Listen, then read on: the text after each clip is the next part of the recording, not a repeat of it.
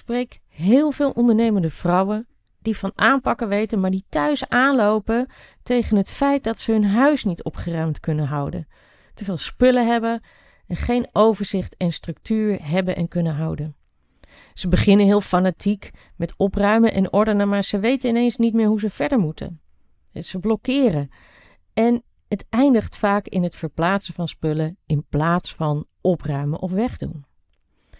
Ik vraag dan in bijvoorbeeld verschillende Facebookgroepen en, en via Instagram aan deze vrouwen of ze zich herkennen in het beeld wat ik net geschetst heb. En dan krijg ik heel veel reacties in de trant van: ja, als ik ga opruimen, gaat er uiteindelijk meestal vrijwel niets weg. Of ligt of staat het ergens anders.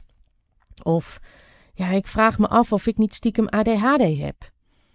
Of ja, heel herkenbaar. Dat zou ook een kenmerk van ADHD bij volwassen vrouwen kunnen zijn. Dit is aflevering 7 van de Organize Your Life podcast. Heb ik ADHD of heb ik gewoon nooit geleerd om op te ruimen?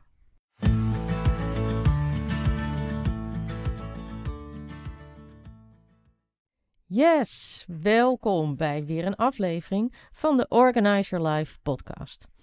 Vandaag wil ik het met jullie graag hebben over het label ADHD in combinatie met opruimen. Want heel vaak als ik vrouwen spreek over waar ze tegenaan lopen om hun huis op orde te houden en alle taken die het gezinsleven met zich meebrengt te kunnen combineren met werk en wat er allemaal meer is, dan krijg ik heel vaak opmerkingen terug als ja, maar ik heb ADHD, dus ik kan het ook niet. Of ja, misschien heb ik wel ADHD, want uh, mensen die dat hebben kunnen niet goed focussen en zijn rommelig en kunnen geen orde houden. Kijk, begrijp me niet verkeerd. ADHD is a real thing. Daar geloof ik echt in. En het is ontzettend goed dat de medische wetenschap inmiddels zover is dat het ook gediagnosticeerd kan worden. En dat mensen die het hebben ook echt passende hulp kunnen krijgen om zich staande kunnen te houden in de huidige samenleving. Want er komt nogal veel op ons af op dagelijkse basis. Er zijn ook zeker gespecialiseerde professional organizers die alleen maar werken met mensen, zoals dat uh, mooi heet, die uh, neurodivergent zijn. Dus dat kan ADHD zijn, ADD, eh, weet ik veel wat er allemaal is. En dat vraagt ook gewoon om een andere aanpak. Dat realiseer ik mij te degen. Maar om elke keer als het niet lukt om op te ruimen uh, en de constatering dat je dat moeilijk vindt en, en eigenlijk alleen maar spullen aan het verplaatsen bent, op te hangen aan ADHD of zelf te constateren, ik zal wel ADHD hebben, ja, die gaat mij een beetje te ver. Weet je, we leven namelijk eigenlijk pas sinds kort in behoorlijke welvaart. En ik weet het, er is armoede, er zijn heel veel mensen die het heel moeilijk hebben, maar door de bank genomen hebben we het echt heel goed. Als we even terugkijken, dan is de welvaart sinds de jaren 50, 60 van de vorige eeuw is echt enorm toegenomen. Bijna iedereen heeft een dak boven zijn hoofd, heeft toegang tot vervoer in welke vorm dan ook, heeft eten en heeft drinken. En bovendien hebben we vaak ook allemaal dingen in onze woning die ons leven makkelijker maken. Een stofzuiger, apparaten voor in de keuken, een koelkast, gereedschap voor onszelf, zodat we zelf klusjes kunnen doen en ga zo maar door. En die welvaart waar we ons nu in bevinden, is eigenlijk iets van pas uh, de afgelopen twee generaties. Daar zit dus ook nog een hoop overlevering in van generaties die de Tweede Wereldoorlog hebben meegemaakt, toen je echt niets had. Mijn moeder vertelde mij altijd dat haar moeder, mijn oma dus, het pakpapier van cadeautjes bewaarde onder het kussen van de stoel of de bank, want ja, dat hadden ze niet in de oorlog. En mijn oma die hergebruikte dat dan om uh, pakjes en cadeautjes die ze weg ging geven weer in in te pakken.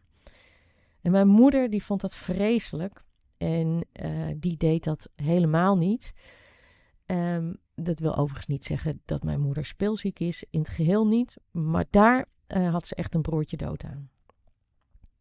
Kijk, de mens is over duizenden jaren geëvolueerd van jager-verzamelaars.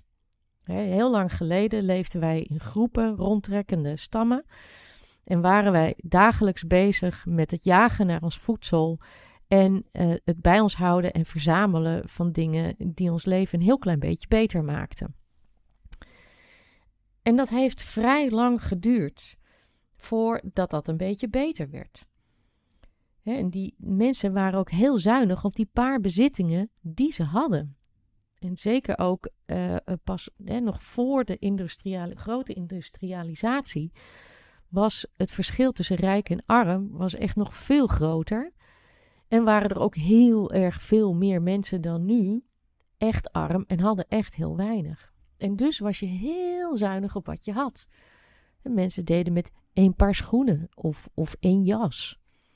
Uh, ik heb inmiddels drie, vier jassen aan de kapstok hangen en heb zeven, acht paar schoenen in de kast staan, die ik ook echt veel draag.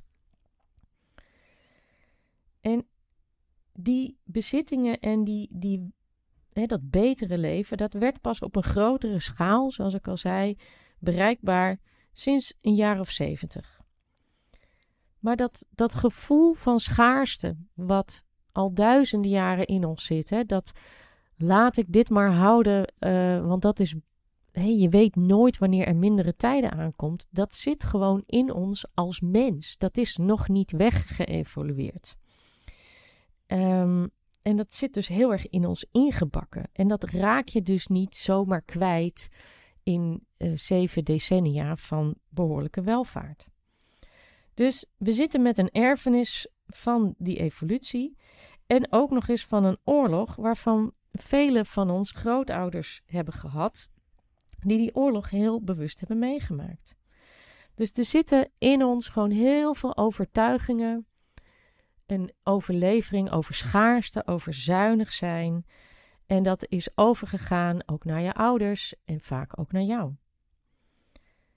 En de welvaart die we nu meemaken is niet alleen materieel, maar die is ook zeer sterk aanwezig in de vorm van afleidingen uh, social media, de hoeveelheid informatie die we tot ons nemen, de dingen die we met ons leven kunnen doen, die beschikbaar zijn gekomen door al die welvaart. We kunnen naar het theater, we kunnen uit eten, we kunnen naar de kroeg, we kunnen eindeloos sporten, uh, wellness, uh, nou, de, de sauna, schoonheidsspecialisten. Je kan het zo gek niet bedenken of het is betaalbaar en we kunnen erbij. Maar dat betekent ook dat de druk op hoe we onze tijd indelen en hoe we beslissingen maken door al die mogelijkheden en al die informatie die er is, die is heel erg groot geworden. Want hoe maak je bijvoorbeeld een goede beslissing in de supermarkt? Er is zoveel keus, daar word je gewoon als mens horendol van. En het is heel erg lastig om in die overvloed aan keuzes, aan informatie, aan spullen, aan voedsel, aan afleiding, elke keer goede afwegingen te maken. En maak dan ook maar eens een afgewogen keuze die ook financieel goed is en gezond voor jou en je gezin. En weet jij veel, je hebt toch helemaal geen tijd ook om dat allemaal uit te zoeken. Zoveel afwegingen, zoveel beslissingen. En waar doe je dan goed aan? En dat werkt ook door in het opruimen van je spullen. En die combinatie met die welvaart die zo is toegenomen, met dat je het nooit geleerd hebt of dingen die gewoon overtuigingen, patronen die generaties lang zijn doorgegeven. Dat maakt het al heel erg lastig om goed te kunnen opruimen en dingen weg te kunnen doen. Dus ja, sommige mensen hebben ADHD en zullen het daardoor zeker moeilijk vinden om op te ruimen, om focus te houden, om een goed systeem te maken wat bij hun past. Maar het wil niet zeggen dat als jij moeite hebt met opruimen, of dat als je eraan begint en je bent alleen maar dingen aan het verplaatsen, dat dat dan of ligt aan je ADHD. Het zal niet helpen, maar hè, het hoeft niet per se daar vandaan te komen. of dat je ADHD hebt. Want je hebt het simpelweg niet geleerd.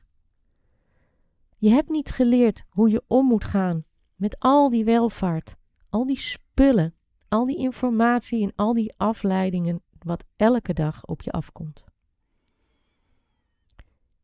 Dus in plaats van te denken: Oh, ik zal wel ADHD hebben of daar komt het door, kun je ook denken: Hé, hey, ik heb dit gewoon nooit geleerd.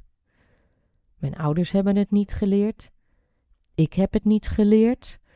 Het is eigenlijk pas heel recent dat er zoveel is. Dus het is helemaal niet zo gek dat ik dit niet kan. Want opruimen is een skill. Iedereen kan dit leren. Alleen heel veel mensen willen er geen tijd en moeite aan besteden, want joh, hey, het is maar opruimen. En dat snap ik. Niemand vindt opruimen leuk. Nou ja, ik een beetje. Ik, ik vind vooral het resultaat wat je daarna hebt heel erg fijn. Maar als je heel veel spullen om je heen hebt, dan is het natuurlijk een enorme klus om daaraan te beginnen. En als je dan ook nog eens een keer inderdaad niet het idee hebt dat je ergens komt en je bent alleen maar aan het verplaatsen en er gebeurt niet zoveel en je ziet niet zo, zoveel verandering in wat je nou gedaan hebt, nee, dan is het inderdaad niet heel erg leuk. we zien het vaak als, het heeft vaak de laagste prioriteit onze huis op orde houden, want werken zodat er geld op de plank komt, uh, tijd besteden aan je dierbaren en leuke dingen doen, zijn veel belangrijker en ook gewoon veel leuker, dat vind ik ook. Maar als je niet je omgeving op orde hebt, zowel thuis als in je werk, en je hebt continu rommel en chaos om je heen, in je zicht, en je ervaart door alle drukte van de dag, wat ik toen net beschreven heb, ook nog eens een keer heel veel chaos om je heen en in je hoofd, in alles wat je moet en wilt doen. Hoe kun je dan ooit tot rust komen? Want dat is waar vrouwen nu heel erg veel behoefte aan hebben. Rust. Tijd voor zichzelf en overzicht. En dat begint thuis. En ja, ook jij kunt dit. En nee, dat hoeft niet eraan te liggen dat je ADHD hebt, wel of niet. Het zal het niet makkelijker maken, maar dat geldt niet voor iedereen die moeite heeft om zijn of haar huis een beetje netjes te houden en dat wel zou willen. Wil jij nou beginnen met 10 super eenvoudige taken die echt, echt iedereen kan? Ook als je het druk hebt, ook als je het moeilijk vindt om je te focussen. 10 korte taken die echt iedereen kan. Download dan mijn gratis opruim kickstart gids. Ik zal de link in de show notes zetten. Hij is kort, en bondig en to the point, net als deze aflevering van Organize Your Life deze week. En het is gemaakt om je gewoon zo ver te krijgen dat je een start kunt maken. De taken zijn niet overweldigend. De gids bevat een minimale hoeveelheid tekst en woorden. De opdrachten zijn heel eenvoudig. Echt iedereen kan dit. Wil je meer tips? Dan denk ik heel graag met je mee. Stuur me dan een berichtje via Instagram. Ook die link staat in de show notes. En uh, laat me weten hoe het gaat. Uh, laat me ook weten waar je meer over zou willen weten. Ik krijg al verzoeken binnen van mensen die aan mij vragen van... joh, kun je het eens hierover hebben of daarover? Want daar worstel ik echt heel erg mee. Die verzoekjes neem ik allemaal aan. En daar ga ik zeker binnenkort wat mee doen. Daar ben ik ontzettend blij mee. Um, is deze uh, aflevering of deze podcast relevant voor iemand of interessant voor iemand die je kent? Stuur hem dan vooral door. Hoe meer mensen ik kan bereiken en inspireren, hoe beter. En uh, vergeet niet om een review achter te laten of een uh, aantal sterren, want dat helpt namelijk enorm voor andere mensen om deze podcast goed te kunnen vinden. Dit was Organize Your Life, aflevering 7. Dankjewel voor het luisteren en tot volgende week.